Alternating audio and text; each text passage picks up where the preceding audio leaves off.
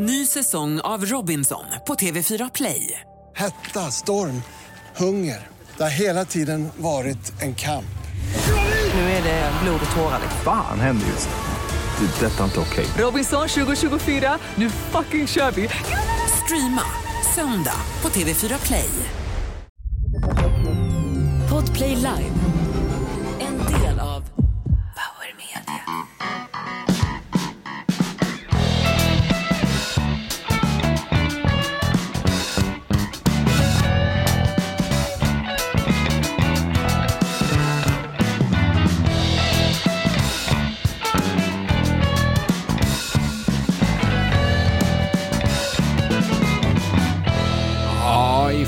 I folkkärhetsindex ligger just nu live-podden Inaktuellt någonstans mellan Snickarbjörn som kom ut som tjej och ligger och solar i Thailand i kvällstidningarna och någonstans Fredrik Virtanen, Soran Ismail, någonstans där Hans. Mm, det låter ju inte superbra. Nej, fy fan, det kan bli bättre. Det här är livepodden Inaktuellt och vi börjar med riktigt tråkiga besked. Det här mötet, det här live, den här livesändningen krockar ju med Riksbankens eh, aviseringar om räntehöjningar Hans. Ja, ja precis. Vad var det? 0,50 punkter. 0,50 punkter. Nu får du ta med psykofarmaka, Stefan Ingves. F- eh, man gissar på en styrränta på upp till 3% Men det får väl hacka i oss, herregud. Vi är ändå bojkottade av stora delar av Mellanöstern i det här landet. Men faktum är att Erik Thedéen, riksbankschefen, är en Ja, gammal... den nya. Den nya ja, Mm. precis. Erik Thedéen. Bröderna Thedéen, kända från Dalkärrsleden där jag växte upp Ja. i eh, gettot i Vällingby. Mm. Han och brorsan var djurgårdare och hade en syrra som Uh, ah, skit i det förresten. Men vilken grej att, att någon från mitt område Ja. kan lyckas så förbannat bra. Liksom. Jag vet att Kulusevski, han, rödtotten som är fotbollsforward i Tottenham. Ja. Han är uppväxt på Vinstavägen, ungefär 200 meter från där jag växte upp alltså. Ja, det är fint. Vad gör jag här Hans? Eh, ja, det kan ju inte gå bra för alla. Nej. Två av ehm, två miljoner som kommer från västerort ändå. någonting. Davva kommer från Norrköping, Davva är inte med oss. Han är uppe och åker skidor med Dryg Forsell och eh, Trist Megapol-gänget uppe i... Vad, vad skulle de Hans? Jag vet inte. Sälen. Till snön. Sälen? Sälen. Ja. Lindvallen tror jag. Bergman, vi har ju Bergman här istället Ja, för hallå. eh, Davva. Hej Bergman.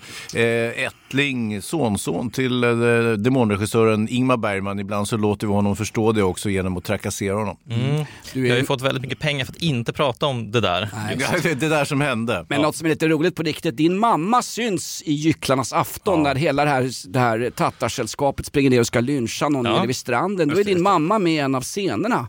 Det är hon. För att hon var släkt med Ingmar Bergman, den store. Mm. Ja. Riktigt kul. Lite nepotism sådär. Ja, verkligen. Ja, ja, ja, ja, du är sånt där kändisbarn ja, Bergman. Vad Som, gör, vad gör du här? Du ska, Ja. du ska sitta på Dramaten och skydda kvinnor från Örjan Rambergs knytnävar. Det räckte bara hit. Det är tyvärr. kul, kul att Davva är uppe och åker skidor i av hävd traditionella samiska renbetesmarker. Det är en kulturell appropriering som den här pizzasonen gör just nu. mm, ja, kul för honom. Hur gör man om man vill ställa frågor till oss om merch? Och vi har ju alkohol i studion också. Vi måste nämna att det är, vi har Visby Lager i studion, Pripps Radler och Staropramen. Mm, jag Men- ser det, men det står ju besvärande nog så står det ju non-alcoholic på samtliga de här enheterna. Ja, det är nya tider i Hedeby nu. Baron Usher ska inte ligga med Nina Gunke, det är årensning och ålfiske. Hedebyborna, historisk tv-referens där vi första gången ser Bo Hansson som ung pojkspelare i IFK Norrköpings B-lag. Ja. Han äh, skjuter iväg lite frågor, kommer in några frågor? Ja, men, eh, vi har, skulle du inte på hur man skickar in frågor då först? Jaha, okej. Man Hans. skickar in frågor bara, det är inte svårare än så. Ladda men det, finns, det finns ju olika, man laddar ju ner appen då, podplay.se och eh, man kan ju också gå in på, eh, mejla oss faktiskt på inaktuellt eh, podplay.se. Ja. Eh, så det är de vägarna man har att gå så att säga. Eller om man träffar Jonas ute på stan i Vällingby centrum där han ofta hänger kan man ju ställa en fråga direkt till honom. Eh, Mig bör ni däremot inte besvära. Underbart. Och ställer man in en fråga via chatten då låter det så här. Nu har det blivit dags för en ny fråga. Vi börjar med en fråga från Steffe. Han frågar, har Hans blivit påkörd av en smitare som han sa på radion? Ja, jag sa faktiskt det på radion och eh, ja, det stämmer. Eh, natten till söndag. Eh, jag, jag kom ner till måndag morgon då, eh, tidigt som fan, skulle iväg till radion och ser att bilen står lite snett och vint. Ah, tänk inte mer på det, jag måste kanske vara onykter när jag parkerar förra veckan, inte har jag en aning om det. Mm, och eh, sätter mig vid styret och eh, ska svänga ut. Och det går väl hyfsat, känner fan det halkigt och konstigt. Eh, kör Surbrunnsgatan ner, ska gira vänster in på Hagagatan. Bilen går rakt fram istället. Det var inte exakt vad jag hade tänkt med en måndagmorgon. Det visade sig att hjulaxeln är av. Någon har kört på min bil. Hjulaxeln gick av. Mm, så att det var ingen vanlig parkeringsolycka så att säga. Men, men personen som eh, eh, körde på bilen eh, eh, tillkännagav sig faktiskt eh, dagen efter. Eh, så att eh, hatten av för det så att säga. Även om det här kommer att kosta mig pengar och dessutom blev jag utan bil en månad. Då måste ni åka Voi till jobbet. Det är förbannat bra för miljön att du inte kör bil Hans. Ja, fast det är inte bra att jag kör Voi heller. Det är många som vänder sig mot Vojen. Det var, ju, var ju större dramatik när du kör runt utan att kunna styra med bilen i Stockholms innerstad än ett fritagningsförsök i Norrköping. En, en ABF-kupp av gängkriminella som tar över hela sossestyret alltså. Att du inte var rädd, du kunde ha gått riktigt illa, du kunde ju ha dött. Vem säger att jag inte var rädd? Jag var ju livrädd. Det luktar, det luktar fränt av härskande avföring. Jag tror du sket på dig av rädsla Hans. Hur långt körde du med bilen utan att kunna styra den? Ja, något hundratal meter bara. Men som sagt, äh, vi, vi går vidare. Det är, som sagt, bilen är på verkstaden. Perfekt. Nu har det blivit dags för en ny fråga. Lite en eh, beef-fråga. Eh, ja, Beef, beef. som är biff menar du? Ja men exakt. Eh, Skäggbiff. Lite skäggbiff. Nej men jag tänkte mer som, eh, vi har fått en fråga från Linda Fyrebo. Det är vår kompis. Hon frågar, vilken podd är er främsta konkurrent? Alltså vilken podd tappar lyssnare när ni ökar? Mm. Vilka andra finns det? Ja, exakt. Krimpodden va? Eller Hasse Aro vet jag. Det är många som blandar ihop Hasse Aro med eh, Hans Wiklund. Mm, Just det. Sen lite matpoddar för alla oss som vaknar upp med halsbränna varje morgon så att man mår som en Tyrannosaurus rex. Ja. Eh, Nej, svår fråga som Ja, Linda Fyrebo kan inte svara på. Dessutom var det inte ens Linda Fyrebo, kan ju inte varit våran kollega från radion. Nej, hon, Ja, sig- hon lyssnar ju inte. Nej, hon lyssnar ju på Tjejpodden. Jag har en bra podd. Mm. Den där podden, biopodden med Sara Larsson och Ruben Östlund, att man ska få sitta och skrika och kasta popcorn. För allt, allt annat är gubbvälde. Ja. Det är det bästa jag har hört Ja, alltså. ja det, är, det, är, mm, det är kontroversiellt. Eh, Sara Larsson, eh, vad är det du kallar henne för? Politiskt sakkunnig va? En, Ja. en intellektuell gigant utan motstycke i, i svensk samtid. Hon tycker att man ska få sitta och prata med biograferna. Jag, jag tycker kanske inte det. Däremot så kan jag som Ruben Östlund kanske menar, för han ställer ju upp på henne. Alla ställer upp på henne så fort hon säger något tokigt. Eh, Gärna medelålders gubbar som, Ja. som är särskilt intresserade av henne. Men, men eh, vad Ruben Östlund menar det är väl att han vill ha lite liksom, drag i salongen. Att folk reagerar, wow, applåderar och sådär. Och det, det kan jag väl eh, hålla med om. Jag berättade för dig Jonas när jag var på bio i Ouagadougou i Västafrika, i i Burkina Faso. Burkina Faso, alltså, så ligger det i stationen mellan Skärholmen och Bredäng på röda linjen. Ja, och där åt vi ju då eh, friterade skalbaggar som eh, popcorn-snacks och, eh, Nej, eh, och publiken levde sig in. Folk satt och Det här är skrek. för fan och, Tintin i Kongo på riktigt. ganska likt. Ja. Nej men grejen är så här med det här med skrika i salongerna. Jag vet att man sprang på eh, Hollywood, de här gamla porrbiograferna för Klara Norra Kyrkogatan. Vilka sprang där? När jag sprang där med du kompisarna, den första typen av, av sexualitet man råkade ut för. Då satt ju folk och kastade och skrek telefonnummer i salongen. Det var en helt annan grej. Wow. Ja. Nu har det blivit dags för en ny fråga. Eh, jag kan faktiskt inte motstå den här övergången som vi fick från att eh, prata om eh, eh, snacka på bio. För vi har fått en fråga från Gaisaren som säger så här. Berätta när Hans höll på att sopa till självaste Astrid Lindgren utanför en biograf. Varför blev Hans arg? Nej, alltså, nej det, jag, det höll jag inte på. Jag skojar ju lite grann såklart. Det här berättar du om i radion Hans. Ja, vi får mycket frågor om det vi säger på radion. Det är ett helt annat medium så att säga. Här är vi ju här är vi oss själva. På radion är vi förställda, eh, kommersialiserade eh, nickedockor under kapitalet. Men här är någonting annat. Ja, man kan förkorta vad vi är i radion med fem bokstäver. F-A-N-S-K. Här skyddar vi knappt alkoholfria öl som varumärke. Nej. Varför Nej, sopar du nej, till Astrid Nej, Lindgren men det gjorde jag inte, men det var apropå att prata på bion så var det så att jag var på en exklusiv visning av en rysk film som heter Kommissarien. Eh, och det här var ju länge sedan och eh, en av gästerna var ganska få på den här biografen och en av gästerna var Astrid Lindgren. Hon var ju på ålderns höst då och hade ju eh, nedsatt syn så hon kunde inte läsa textskyltarna och någon ryska kunde ju Astrid inte. Va? Inte vi andra heller tror jag i salongen. Eh, och då hade hon en kärring med sig som satt och simultantolkade vad som skrev, sades på textskyltarna. Och det är väl som en sak att hon satt och babblade hela tiden. Ja, ni säger så. Men Astrid, hon vill ju prata tillbaka va. Jaha, varför sa han så för? Du vet, mitt uppe i alltihopa. Och till slut var ju alla så förbannade så att det rådde ju en sorts lynchstämning. Och då, för mitt inre ser jag att jag går fram och ger Astrid Lindgren en lavett.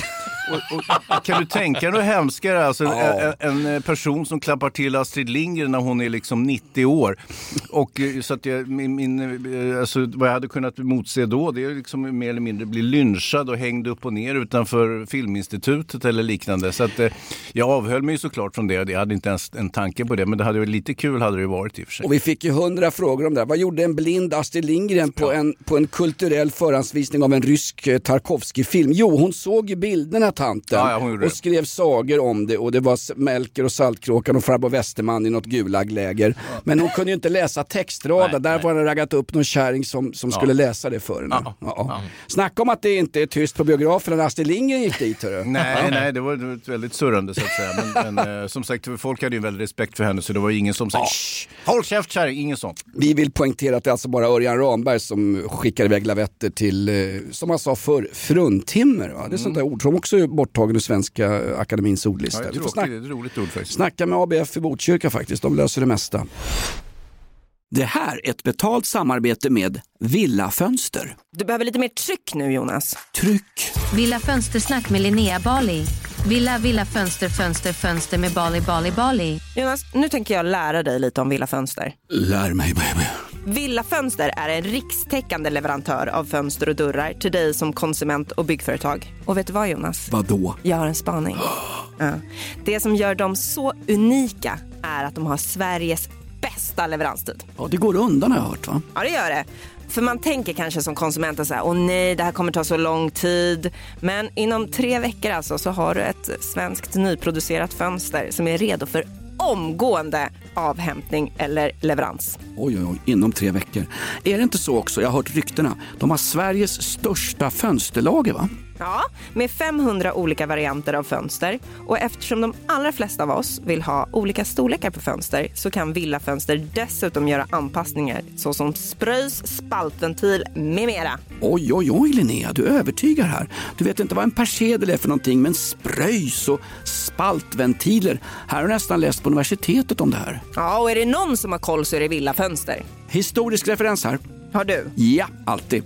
Ända sedan 2008 så har Villa Fönster alltid haft visionen att erbjuda kvalitetsprodukter till rätt pris och kortast möjliga leveranstid.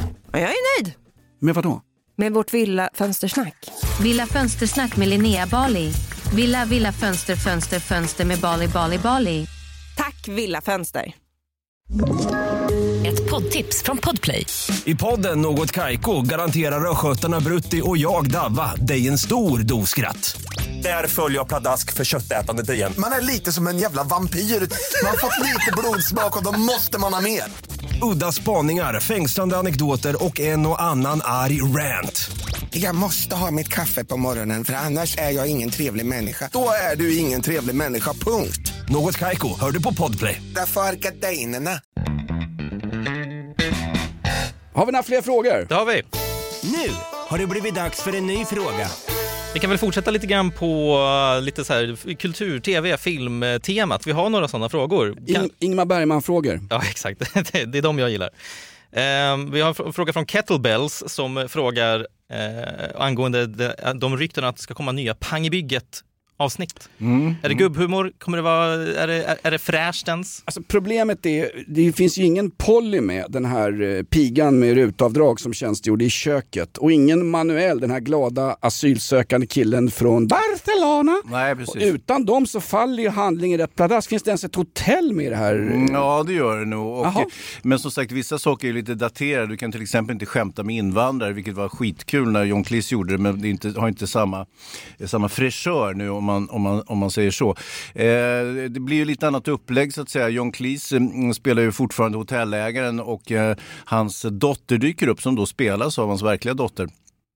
Eh, Så det är väl liksom premissen. Ni ska ju veta en sak också, den här filmjäveln är inte ens skri- eller tv-serien är inte ens skriven, än mindre har man börjat filma. Rob Reiner sägs vara knuten som regissör till det, men alltså det här, det, det är ju inte liksom, det här är ju långt i framtiden och då ska ni ju betänka att John Cleese är ju inte liksom någon ungdom direkt, utan han är ju över 80 år så att han får nog fan raska på här, annars vet jag inte vad det blir. Det blir Weekend at Bernies. Men att tillverka och göra en sitcom helt utan manus, det har ju svenska sitcom-skapare gjort i alla år. Hör du. En fyra för tre och andra haverier med Peter Magnusson och Settman och allt det. Det behöver ju inte vara, det var, det behöver inte vara speciellt kul för att kallas för en sitcom. Nej, Vad heter nej, den när Christer Henriksson springer runt bakfull och har torftiga repliker ute på någon skärgårdsö? Med Kristin Meltzer också. Ja, ja, ja. Vad heter den som har gått i alla år på... Sommaren med släkten. Sommaren med släkten, precis. Sommaren med Vanja heter Nu den, tror ja. jag i och för sig att de är, eh, Sommaren med Mo- Monica, jag tror att de är skrivna i och för sig. Sen, jag tror kanske att John Cleese har lite högre krav, men, men vi får väl se. Jag tror inte det där blir någonting om jag ska vara helt allvarlig med det. Jag säger som Lars Norén, du kan Mm. gå upp på en teaterscen och spela dramatisk, men du kan jävlar mig inte gå upp och spela rolig. Sen gjorde han personkrets 4-3 där han raggade upp kåkfarare, Lars Norén, och så åkte de runt på någon slags turné. Och i pauserna så rånade de där jävlarna postkontor och banker. Ja. Det var ju Jack Arklöv och gänget va? Eh, ja, Tony Olsson i alla fall. Men, men eh, jag skrattar bäst som skrattar sist. Jack Arklöv var ju på turné på Balkan vid den här tiden. Är han oskyldig den fan? Jag säger som Hermann Göring, ingen är oskyldig, nu kör vi. Nu har det blivit dags för en ny fråga. Vi kör en sista filmfråga. Vi har fått från signaturen Bollnäsballen. Undrar... är det våra lyssnare? Vad är Det är för jävla sorgsamt. Det är så sorgligt, avgå! Han undrar, eh, Persbrandt som Dag Hammarskjöld i den nya biopicen, är det rätt castat Hans? Ja just det, det är Per Fly, danska regissör som ska regissera filmen om Dag Hammarskjöld. Kan väl kanske påminna lite grann Jonas om vem Da- Dag Hammarskjöld var. Han var ju FNs generalsekreterare. Ja, överklasslyngel, eh, uppväxt i Stockholm, farsan var väl toppdiplomat tror jag. Och sen var det här, men ska komma ihåg att det här är alltså, han gör ju någon slags karriär. Han, han, är, han gör karriär under kalla kriget och när han blir FNs generalsekreterare, nu ska jag svära i Kapernaum här sve- i det svenska narrativet. Det är ju så att det fanns ju amerikanska och eh, brittiska eh, diplomater som var tilltänkta för jobbet som FNs generalsekreterare. Ingen av dem kan det bli därför att ryssarna går in med veto. Jag tror att Dag Hammarskjöld på riktigt, han är fjärde, femte valet för FN när han blir generalsekreterare. Sen gör han insatser i, vi kan väl ta det, i Afrika på 1950-talet när brittiska vidriga koloni- kolonisatörer, alltså folk som hade legat med prins Harry på Eatons College och sånt där. De är ju nere och eh, är det i är det i Kongo? Det är i Rhodesia va? Syd, Nej, det- det- det- Syd, Sydrhodesia och Nordrhodesia, det är två Ja, stater. ja exakt. Men, men han, är ju, han är ju i Kongo vid den här tiden, Dag Hammarskjöld. Och eh, då har han ju varit det här under en period och han var ju väldigt lyckosam som FNs generalsekreterare. Ja, att i- Sverige var ett i- neutralt land var ju en förutsättning eftersom... Han utför inte ett jävla piss. Han är ungefär som Thornberg, ri- rikspolischefen. Det- Alltså I svensk narrativ så är han fin för att det var en svensk person. Men han utför inte ett piss. Zambia gör sig självständiga själva ifrån Rhodesia. Mm. Eh, Rhodesia finns kvar som nation och eh, vad är det som händer? Han störtar med ett flygplan. Va? Han, han ska ju vara någon slags eh, svensk överklass svar på Raoul Wallenberg. Just det, just det. Eh, han är i Kongo för att förhandla fred eh, och eh, han är på väg till Katanga i september 1961. Han är på när- väg i Tanga, det sägs att han var smygbög också. Kan han ha På varit. riktigt så sägs Han det. hade ju så kallad bögpropeller, det Ja. vill säga en sån här liten eh, rosett va? Googla på Sverker Åström som har skrivit böcker om att Dag Hammarskjöld aldrig någonsin sågs tillsammans med några kvinnor men däremot så kunde han springa in och ut i tält med olika bantupojkar på den tiden. Inget fel på det, snart Nej, är det lag nej. på det som du brukar ja, säga. Absolut. Dessutom eh, så störtar planet över Nordrhodesia då 1961 i september och eh, man börjar genast misstänka att det ligger något fuffens bakom. Eh, Kanske var det så att piloten somnade om man kraschade eller alternativt planet blev nedskjutet eller fanns någon annan liksom, komplott, en mordplan då. Vi vill ju gärna se det som det senare. Hur som helst så öppnar det upp för en intressant film i och med att man inte, det är lite öppet slut så att säga. Man vet inte riktigt eh, vad som hände. Öppet slut. Öppet slut var väl också hans, eh, hans hela kärleksliv. Det sägs att han var ju, han var icke, på den, på den här tiden kunde man inte komma ut som homosexuell. Nej, nej, och det ska vi veta när vi pratar om Dag Hammarskjöld. Det var godnatt-dag för Hammarskjöld. Ja, okej. Och jag har I, I rollen då som bög Hammarskjöld så ser vi då Mikael Persbrandt. Och det, och känns- nej, det, det, det känns inte på något särskilt sätt. Jag tycker jag håller ju Mikael Persbrandt för den absolut bästa svenska skådespelaren. Inte bara nu utan för eviga tider. Han hamnade ju lite grann i kylskåpet, jag vet inte om ni minns det där metoo. Eh, han klarade sig ju ifrån det på något mirakulöst vis genom att ge ut en självbiografi där han då eh, vidgår allt jävla skit han har ställt till med på fyllan och så vidare.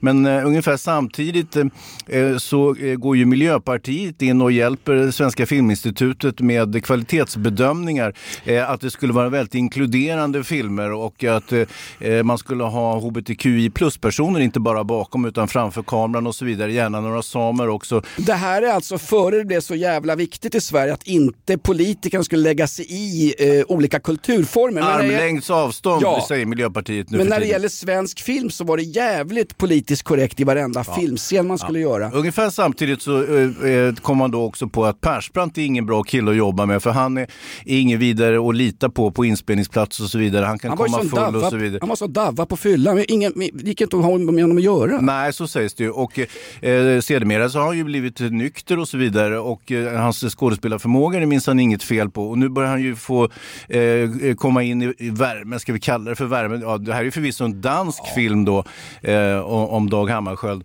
Men, men, eh, nej, men jag tror det där kan bli bra. Så. Han är väldigt porträttlik. Eh, han är, är ju också, han har den här kombinationen eh, balettfikus från Jakobsberg med liksom Gunvald Larsson hårdingsstilen som han sen kommer att odla som liksom fyllskalle ute på krogen. Han har ju båda dimensionerna så att jag tror att det blir jäkligt bra faktiskt. Jag, jag, jag ser fram emot det här. Jag ser Persbrandt i en eventuell roll när han går in som den dementa majoren i Pang i bygget. Där har du något han som satt alltid och drack grogg alltså. Det kunde vara Han Persbrandt. är inte med oss längre. Grejen är med Dag Hammarskjöld, får jag bara säga det, att det är en flygolycka, bla bla bla. Så här var det ju, att Kongo var ju en belgisk koloni. Och belgiska Kongo blir ju sen Zaire och Rhodesia som var en brittisk koloni. Det skulle ge mig fan på om det inte var b- belgiska affärsmän som utvann ädelmetaller och eh, diamanter ur gamla Kongo. Så rov, rovkolonisatoriskt som det bara går, som tog livet av Dag Hammarskjöld. Jag vägrar tro på att han dog i en flygolycka eh, i Katanga. Ja. Det, det känns bara konstigt. Du vill heller inte godkänna att Lars Vilks dog i en bilolycka. Nej. Att du eh, påstår att man har spänt upp en vajer över eh, E4 där. Jag vill inte godkänna någonting så länge jag inte har fakta på bordet. Jag vill inte heller godkänna... Snart säger väl att det inte var kurderna som låg bakom mordet på, på Palme också. Jag vill inte heller godkänna att bogvisiret lossnade på Titanic inför den här ödesdigra olyckan 1912. Jag godkänner inte ett skit. Krim-Hans. Där kom den. För Krim-Hans har det blivit dags. Ryggbiff och lax. Alla brottslingar, förbered er att sack. Dags. Ryggbiff och lax. Amatörkriminologen från en annan galax. Idag handlar det om mordet på Dag Hammarskjöld. Ja, det har vi redan. Jag håller Det, på att mullra igång som Leif GW Persson, ni det? Jag vill att Leif André ska spela Dag Hammarskjöld. Han är ju som jag, han är lite Det är knubb. för sent om jag börjar filma Jonas. Släpp den här skiten nu. Det är aldrig för sent för att citera Rasmus Paludan. Nu eldar vi! ja. Ja, vi har fått eh, en fråga till Krim-Hans Mm, från Cleveland Steamer. Vet du Det vad är det är bara Bergman? Jonas, Jonas kompisar som hör av sig. Bra Bergman, skit i det. Cleveland Steamer där man sitter och gör ifrån sig på någons bröstkorg i en sexualakt. Ah, okej, okej. Eller en klassisk Hammarsköldare. Ja, men det har man ju, det har man gjort. Det har man ju gjort säger jag. Ja, Eh, frågan är då, lyder, eh, när avlossade Krim-Hans ett skjutvapen senast? Jaha, det var ju i närtid faktiskt. Eh, Jag skjuter ganska mycket. Mm, eh, Det är en liten hobby jag har faktiskt och eh, jag har ju många goda vänner som är med i skytteföreningar och annat. Och, så att det senaste var en, eh, och det här är mitt favoritvapen. Tyvärr är det någonting jag delar med eh, Sveriges kriminella. Det är ju Glock, eh, 9 mm plastpistol mer eller mindre som är, är väldigt lättskött och eh, potent. eh, Potent ja. ja. det. Men var- sköt... Precis som alltså, Dag Hammarskjöld, alltså, potent. Alltså här går jag in som kvalitetsgrävande dödjournalist, eller dödgrävande kvalitetsjournalist, förlåt mig. Alltså det intressanta är inte vilket vapen du sköt med, vad sköt du på och i vilket ärende var du ute? Skulle Nej. du ta Yasinbyn av dag eller var det något fritagningsförsök i Norrköping när de kör in någon tjockis på sjukhus så att de får stå en järnring runt Norrköping och ändå inte få tag i fanskapet? Nej. Var sköt du Hans? Nej, han har ju försvunnit eh, den här eh, mannen dömd för medhjälp till eh, mord va, så vitt jag vet. Eh, fraktas till sjukhuset med någon eh, svår åkomma. Ja, inte svårare än att han kan springa därifrån givetvis.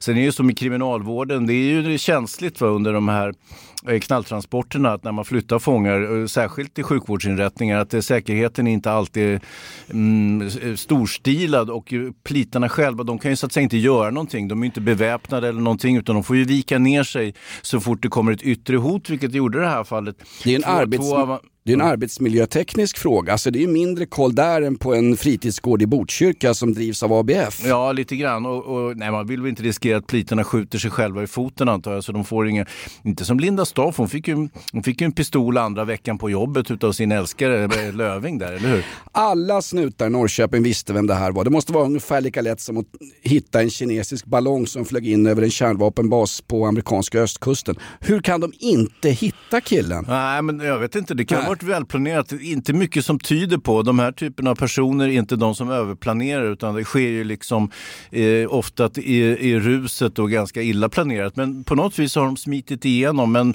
jag tror väl att polisen ändå har en god uppfattning om var man ska kunna hitta de här figurerna någonstans. Så att, eh, sen ska man ju veta också att eh, mm, eh personen som blev fritagen, han har ju sig inte begått något brott. Eh, om han nu inte har gjort någonting vid själva fritagningen, det vill säga slagit någon på käften eller skjutit någon eller sådär. Men, men eh, det är inte mycket som talar för det. Och det är inte olagligt att eh, rymma från vare sig fängelse eller eh, fångtransport. Han har begått brott. Han har ju sett setts äta ål på en restaurang i Norrköping för inte så länge Okej, sedan. då Hans. jävlar, då ska han få. Då ska han jävla få alltså. Eh, Ja, nej men jag tänkte, Vad är det Bergman? tänk jag sitter bara beredd med knappar. Och här har ni nästa fråga brukar någon Ja, säga. vad exakt. fan. Jag tänkte först stänga. Ryggbiff och lax. Amatörkriminologen från en annan galax. Jävla tjat. Det var ett tjat. Ja men Dava har varit jävligt noga med de här knapparna. Så Är det jag sant? får inte missa dem. Han har ju OCD, han är, han är inte som är ska. inte noga med knapparna, han är som Dag Hammarskjöld, han är noga med gylfen tror jag. Att han har gylf i byxorna och inte knappar. Exakt så. Men nu kommer den här i alla fall. Poddtips från Podplay. I fallen jag aldrig glömmer djupdyker Hasse Aro i arbetet bakom några av Sveriges mest uppseendeväckande brottsutredningar. Går vi in med hemlig telefonavlyssning och, och då upplever vi att vi får en total förändring av hans beteende. Vad är det som händer nu? Vem är det som läcker? Och så säger han att jag är kriminell, jag har varit kriminell i hela mitt liv men att mörda ett barn, där går min gräns. Nya säsongen av Fallen jag aldrig glömmer på Podplay. Har det blivit dags för en ny fråga. Ris och ros, dags. Tycker jag. Har vi fått ris överhuvudtaget? Ja, men, eh, vi, vi, vi har en fråga från Uri Geller först. Som är så här, vem vill ni helst ge en smäll på nosen eller en klapp på axeln? Ah, eh, normalt så är jag inga specifika önskemål i den riktningen men däremot så är det ju väldigt listigt att eh, ha den här metoden, det vill säga att man går fram, klappar någon på axeln bakom ryggen, när han vänder sig om så klappar man till honom. Ja, Two in one, Ja. Va, som ett Kinderägg. Jag är ju Mahatma Gandhi och det luktar ungefär så under mitt orangea lakan jag sover under. Eh, jag vill inte ge någon på truten. Kanske Astrid Lindgren. Vi vänder den andra kinden till. Absolut. Icke, Okej. Icke-våldsprincipen är som fick den gamle rasisten Mahatma Gandhi att få engelsmännen att springa hem till Storbritannien. Nämen. Fint. Nu har det blivit dags för en ny fråga. Mer ris och ros. Det här är Lill-Babs som säger grym podd, kan få en guldstjärna om de lägger ner radiofasonerna och agerar som podcast, det vill säga en podcast har man Ah. klickat på och den behövs inte påas. Nej, jag hör vad du säger. Det, där, det är Jonas, får ta den. Ja, nu har jag suttit och påat Davva här en lång stund. Vad är, vad, är, vad är det som är radio? Är det våra röster som är... Är det jag som är någon slags eh, reinkarnerad Hasse Tellemar eller möjligen Sven Jerring i kortbyxor på någon tennisbana med Gustav V? Vad är det som är radio med Ja, oss? men du, du, alltså hon kan ju inte svara nu. Vad heter hon? Lill-Babs.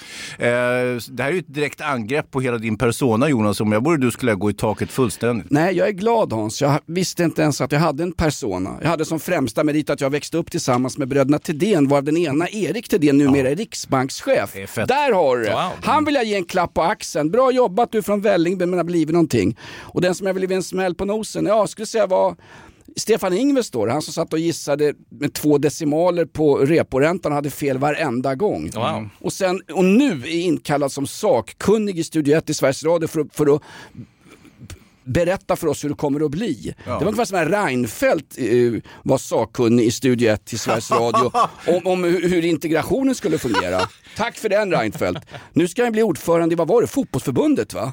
Ja, jag tror inte han ligger så bra till om jag ska vara helt ärlig. Och det är, det är väl att han är djurgårdare som ligger honom Ja men det, om- det kan foten, nog vara. Djurgården skrev ju treårskontrakt nu med eh, Thomas Lagerlöf och eh, Kim Bergstrand. Mm, De här mycket, mycket vist av, av eh, Bosse att göra det. Ja. Eh, Superbosse ändå.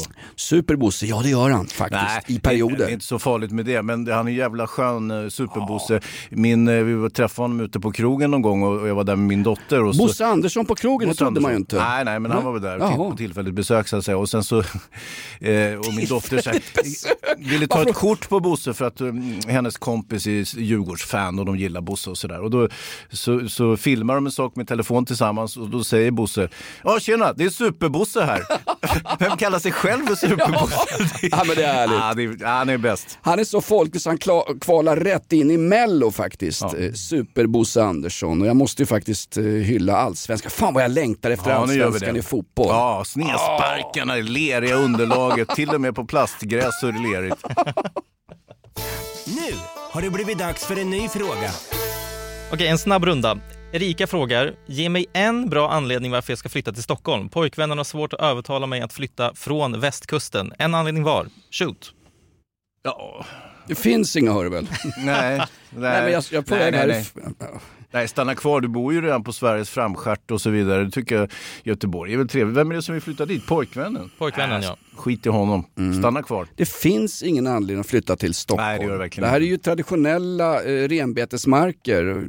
Den här stan är, är i fritt fall. Vad heter den här gamla klassiska filmen? Rom öppen stad. Ja, ja, ja. Alltså mellan, historisk referens här, 1944. De amerikansk-brittiska invasionsstyrkorna rör sig upp över den italienska stöven upp mot Rom. Mm. Då lämnar den temporära fascistiska regimen tillsammans med tyska trupper Rom. Och ett tag så är Rom en helt laglös stad. Ja, ja. Filmen heter Rom öppen stad. Flytta inte till Stockholm, Nej. Erika. Se filmen Rom öppen Ja. stad och se till att inte Astrid Lindgren sitter framför dig så, och, och teckentolka till någon Nej, för det är italienska Roma Città Aperta som den heter och det är väl Anna Mangani som spelar huvudrollen. Eh, och jag kan berätta om slutscenen så behöver du inte se filmen förresten. Det slutar med att hon springer efter sitt barn som förs bort och så blir hon skjuten av, av, eh, av tysk militär och dör där, i, ligger i, en blodpöl så att säga. Det är själva slutscenen så att nu har ni den. Det är väl en sån här film Var det en spoiler det där? det är väl en film man ser, det är så här första dagen. Den och uh, Körkaren, Viktor Sjöströms stumfilm, det är de första filmerna man ser på en, på en filmvetenskaputbildning på ett, eh, på ett lärosäte, typ uh, universitetet. Ja, ABF. ABF! Nu har det blivit dags för en ny fråga. Conny McGregor frågar, tränar Hans eller tre pappor kramas han bara på gymmet? Ja, det finns ett visst förakt bland en del som sysslar med mm, stående fighting, det vill säga står och boxar på någon jävla boxboll eller till och med boxar i luften, i- de allra flesta gör. Medan jag då sysslar med brottning, vilket ju faktiskt är riktig fighting, där man kan- sparra 100% om man nu orkar med 100%. Eh, till skillnad från att boxas med kompisen, du kan ju inte boxas 100% med kompisen Jonas, eller hur? För då blir man ju knockad, eller alternativt du knockar honom och det är ju inte så trevligt. Jag säger som Lars Norén, du kan gå upp i en boxningsring och låtsas boxas men du kan inte brottas om du inte har brottats tidigare. Brottning, nej. brottning det är ju en grekisk... Fråga Dag Hammarskjöld, han ägnar sig mycket åt brottning i unga år. Ja, parterren där, men det är inte den typen av brottning som jag håller på med. Brottning eller grappling, det är ju ett eh, form av samlingsbegrepp. Är, jag sysslar med brasiliansk jiu-jitsu, så att det, det är så att säga min, min disciplin, vilket jag tycker är en väldigt eh, fin sport eh, och väldigt lämplig också för barn. För att eh, jag är inte så förtjust i att man ska lära barn att sparka och slå varandra i huvudet och sådär, men det är ju bara jag så att säga. Man ska sparka och slå Astrid Lindgren och sitter och inte ska Där hålla käften i en biosalong. Nej men kör inte du grekisk-romersk stil Hans? Nej, jag, tycker nej det det är doft, bara här på dig. jag tycker det doftar så i morgonstudion ibland nämligen. Mm. Skjut iväg frågorna! Ja, vi ska faktiskt börja Nej! runda av lite. Jo, Varför har jag inte hunnit... Han har ju inte hunnit säga någonting Jonas. kan jag bara berätta? Kan du bara säga Berätta så? någonting. Eh, Vi, kommer få, vi har jobbat med en ny merchleverantör. Inte ett ord till Lindskov om det här för han kommer Oj. förlora pengar. Vi kommer Okej. fixa hoodies, t-shirts och eh, vad var det mer? Var det toppluvor? Det bara ser perfekt. Det här är klart ungefär till sommaren men Ja. vi har bytt merchleverantör. Men Vad hade vi för merchleverantör innan Jonas? Lindskovs polare Ullis. ja, just det. Ja, det Ja. vart inte mycket därifrån. Det vart inte ens en väst va? Nej, det blev faktiskt ingenting i slutändan. Nej. Eh, Nej, vi hann ju inte prata så mycket om den här Tobias Baudin, Baudin Socialdemokraternas partisekreterare faktiskt, eh, som var med i Aktuellt igår, stod och ljög som någon jävla bolsjevik rakt i ansiktet på de svenska tv-tittarna. Han den här jävla ålfiskaren hos Moderaterna, han, är, han vidgick ju att han hade fiskat ål åtminstone. Mm. Eh, Det är sossarnas partisekreterare som nu anklagas för att vetat om att gängkriminella har tagit över ABF-föreningar i Botkyrka kommun och, och vält undan Ebba Östlin, Ja, den gamla sossehonan och sossarnas svar på farmen Kristina Ja, i söderort. järnladyn som hon kallades. Grejen var att det var ju Ebba Östlin som la ner ABF-verksamheten i Botkyrka eftersom där pågick kriminell verksamhet eh, på våra skatte, eh, skattepengars bekostnad. Eh, och nu säger Baudin att det var egentligen ett helt demokratiskt korrekt förlopp att hon fick sparken därifrån som den starka kvinnan. För hon var nämligen illa omtyckt. Hon var en riktig jävla ragata sägs det. och det var därför hon åkte ut. Det var inte för att gängkriminella ville ha in en annan person. Hon var att de- nästan som Astrid Lindgren i en mörk biografsalong alltså. Ja, så att de här 23 helt nya socialdemokratiska medlemmarna som dök upp på årsmötet, varav ingen kunde prata svenska och resten hade skyddsväst på sig. Det, det här var demokratiska principer. Magdalena Andersson sa ju som statsminister för sossarna att de skulle vända på varenda sten och de vände på Ja, stenarna och de hittade bland annat PKK-flaggor och 300 miljoner till YPG i norra Syrien Ja. och dessutom hittar de ABF Botkyrka. Det är en jäkla soppa de har hamnat i alltså. Nej, det verkar inte så. Det är nu de tar det här på stort allvar enligt Baudin. De, nu, ska de, nu ska de vända på stenarna en gång till. Vad kommer de att hitta då tro? Eh, det är stort allvar. Det, det här ska de verkligen gå till botten med.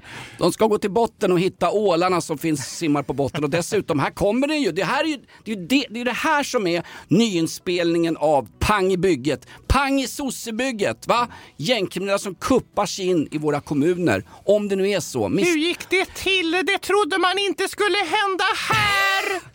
Jag säger som Ingmar Bergman, misstanken kvarstår när han handgripligen, det vet du din släkting som handgripligen förs bort av skattemyndigheter och polis från Dramaten. Ja, ja, och han går i landsflykt din släkting Ingmar Bergman. Jajamän, och han åker ju till ditt hemland, Tyskland, eh, Tonas, eh, Jonas, Tonas? Tonas. Eh, eh, Jonas. Eh, och där gör han filmen Ormens ägg. Det var en förskräcklig film. Det var faktiskt din farfars absolut sämsta film, eh, Bergman. Håller med. Hans exilår. Konstnärer ska inte gå i exil även Nej. om Davva har suttit uppe och fikat med både Jakob Ökvist och Trist Megapol nu och skitit i den här podden. Ja. Är det Ormens ägg, är det, gör han den i Tyskland Hans? Jajamän. Okej, för sen kom ju Ägget är löst med Hasse och Tage Ja, som precis. Astrid Lindgren fullkomligt babblade sönder under biovisningen. Och den var ändå på svenska. Så behövde inte fråga om undertexterna. Men, ja, ja.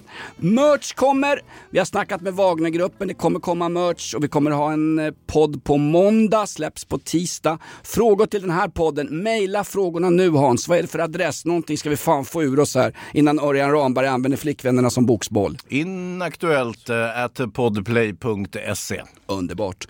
OS-ansökan eh, till Sverige. Bu eller bä, hit eller shit, mutt eller prutt? Prutt. Prutt. Well, I went out and bought me a barroom boot today.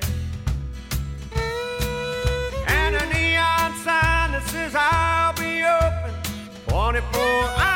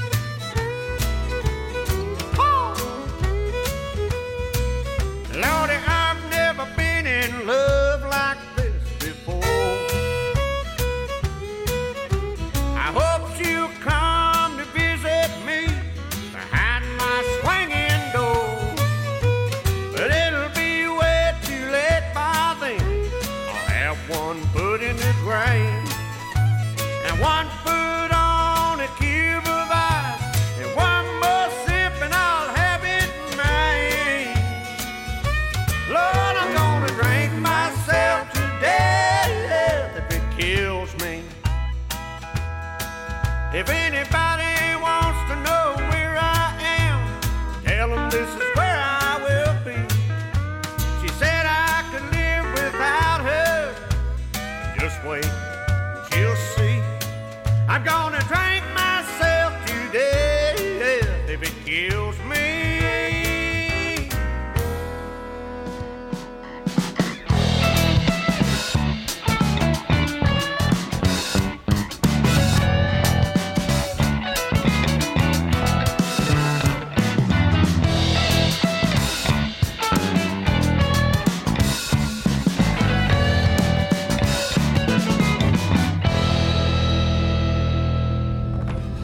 Podplay, en del av Power Media. Ett poddtips från Podplay. I podden Något Kaiko garanterar östgötarna Brutti och jag, Davva, dig en stor dos skratt. Där följer jag pladask för köttätandet igen. Man är lite som en jävla vampyr. Man har fått lite blodsmak och då måste man ha mer. Udda spaningar, fängslande anekdoter och en och annan arg rant. Jag måste ha mitt kaffe på morgonen för annars är jag ingen trevlig människa. Då är du ingen trevlig människa, punkt. Något Kaiko, hör du på Podplay. Därför arkadeinerna.